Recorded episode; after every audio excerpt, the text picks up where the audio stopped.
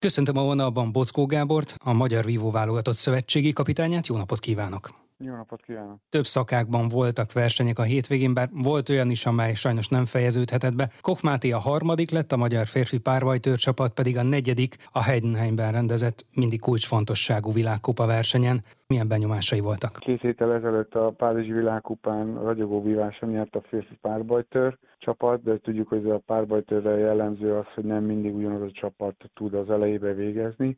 Úgyhogy ennek fényében az, hogy a legjobb négy közébe jutott a válogatott, az rendkívül jó. Nem is voltak annyira jó paszban a fiúk, hogy mint pár héttel ezelőtt, hogy mindenkinek nagyon jól ment a vívás. Most kicsit hullámzó volt a teljesítmény, és ennek a fényében még jobban felértékelődik ez a a négy közé kerülés, ami szerintem hasznos és fontos pontokat tud adni a világranglistára, hogy jövő ilyenkor már azért ne a hátulok helyen felkapaszkodni a, a csapatnak a kvalifikáción, ugye jövő ilyenkor már javában tart a kvalifikáció, úgyhogy ebből a szempontból igazából a pozíciókerelés is nagyon fontos. Srácok küzdöttek, becsülettel helytáltak, egy tussal kaptak ki az elődöntőbe a későbbi győztes Koreától, Németországba jött második helyre nagyon nagy meglepetésként, mert még nyolc közé se jutottak idén, úgyhogy ebből a szempontból, meg lehet egy elég szoros meccsen több olimpiai bajnok a felálló francia válogatottal kaptunk ki,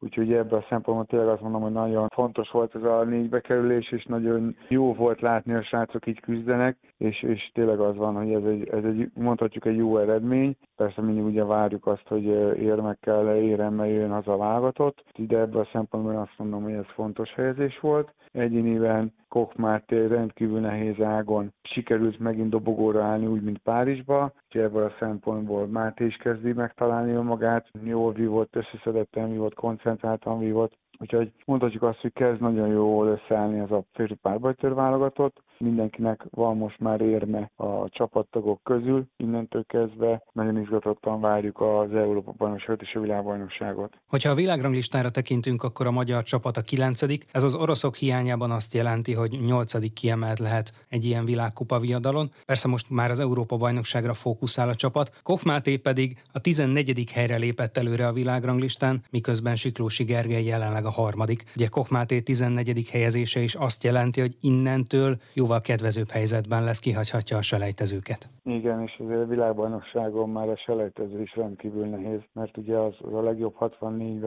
automatikus kvalifikációt jelent, ugye párbajtörve 200 bőven 200 fölött van az induló létszám, sőt lehet ilyen már 270-280. Magyarán 200 ember már ki fog esni a selejtező napon, az induló létszám majdnem háromnegyede, től az nagy segítséget jelent, ha valaki 16-ban van a világranglista eléggé becsapós, ugye a pandémia miatt nagyon sok verseny elmaradt, el lett tolva, el lett halasztva. Ez még nem adja tisztán a csapat helyzetét, de Biliszi után már konkrétan látni fogjuk, és szerintem az a feljön a csapat a negyedik, ötödik helyre, ami már kvalifikációs helyet jelent. Annak megvédése a legfontosabb lesz. Ugye a gördülő ranglistáról beszélünk, úgy mint teniszben, hogy a megrendezett versenyeken meg kell védened a pontjaidat, ami lettél. Tehát van olyan pont, ami még három éve bent van, mert azóta nem lett rendezve, vagy el lett halasztva az a verseny. Úgyhogy ez a helyezés az nem teljesen objektív, ahol a csapat jelenleg áll, de a negyedik, ötödik helyen fogunk állni szerintem a világbajnokság előtt. A női párbajtörmezőnynek kevésbé volt sikeres ez a mostani hétvége, most is gyakorlatilag törölni kellett a viadalt az első nap után, tehát a selejtezőket még megrendezték, de semmilyen világranglista ponttal vagy következménnyel nem járt a verseny, miután meghalt az Egyesült Arab Emírségek államelnöke, és több napos nemzeti gyászt rendeltek el az országban.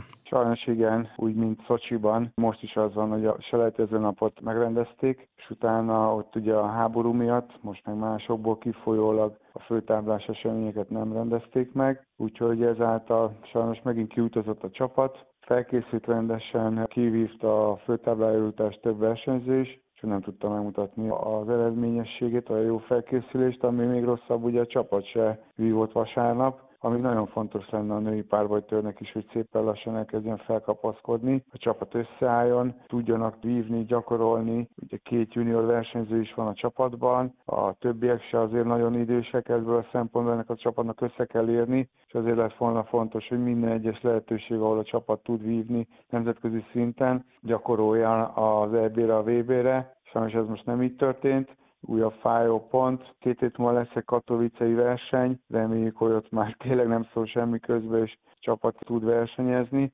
és szépen lassan tényleg összeáll ő is a kvalifikációra. A törözőknél egyéni Grand Prix versenyt rendeztek Dél-Koreában, Inchonban. A magyar mezőnyből Mohamed Aida a 32. helyet szerezte meg, ő jutott a legtovább. Aida újra bebizonyította, hogy össze tudja kapni magát nagy eseményekre, ez, ez a Grand Prix, ez a távol-keleti Grand Prix verseny is egy ilyen volt rendkívül nehéz, nem túl sok induló van egy elég messze lévő Európán kívül lévő Grand Prix verseny, de annál sűrűbb a mezőny. Selejtezőt kellett vívnia, de összekapta magát, ott értékes győzelmet is szerzett, egy kiemelt versenyzőt vert meg. Sajnos a lányoknak a többieknek nem úgy sikerült, ahogy szerettük volna.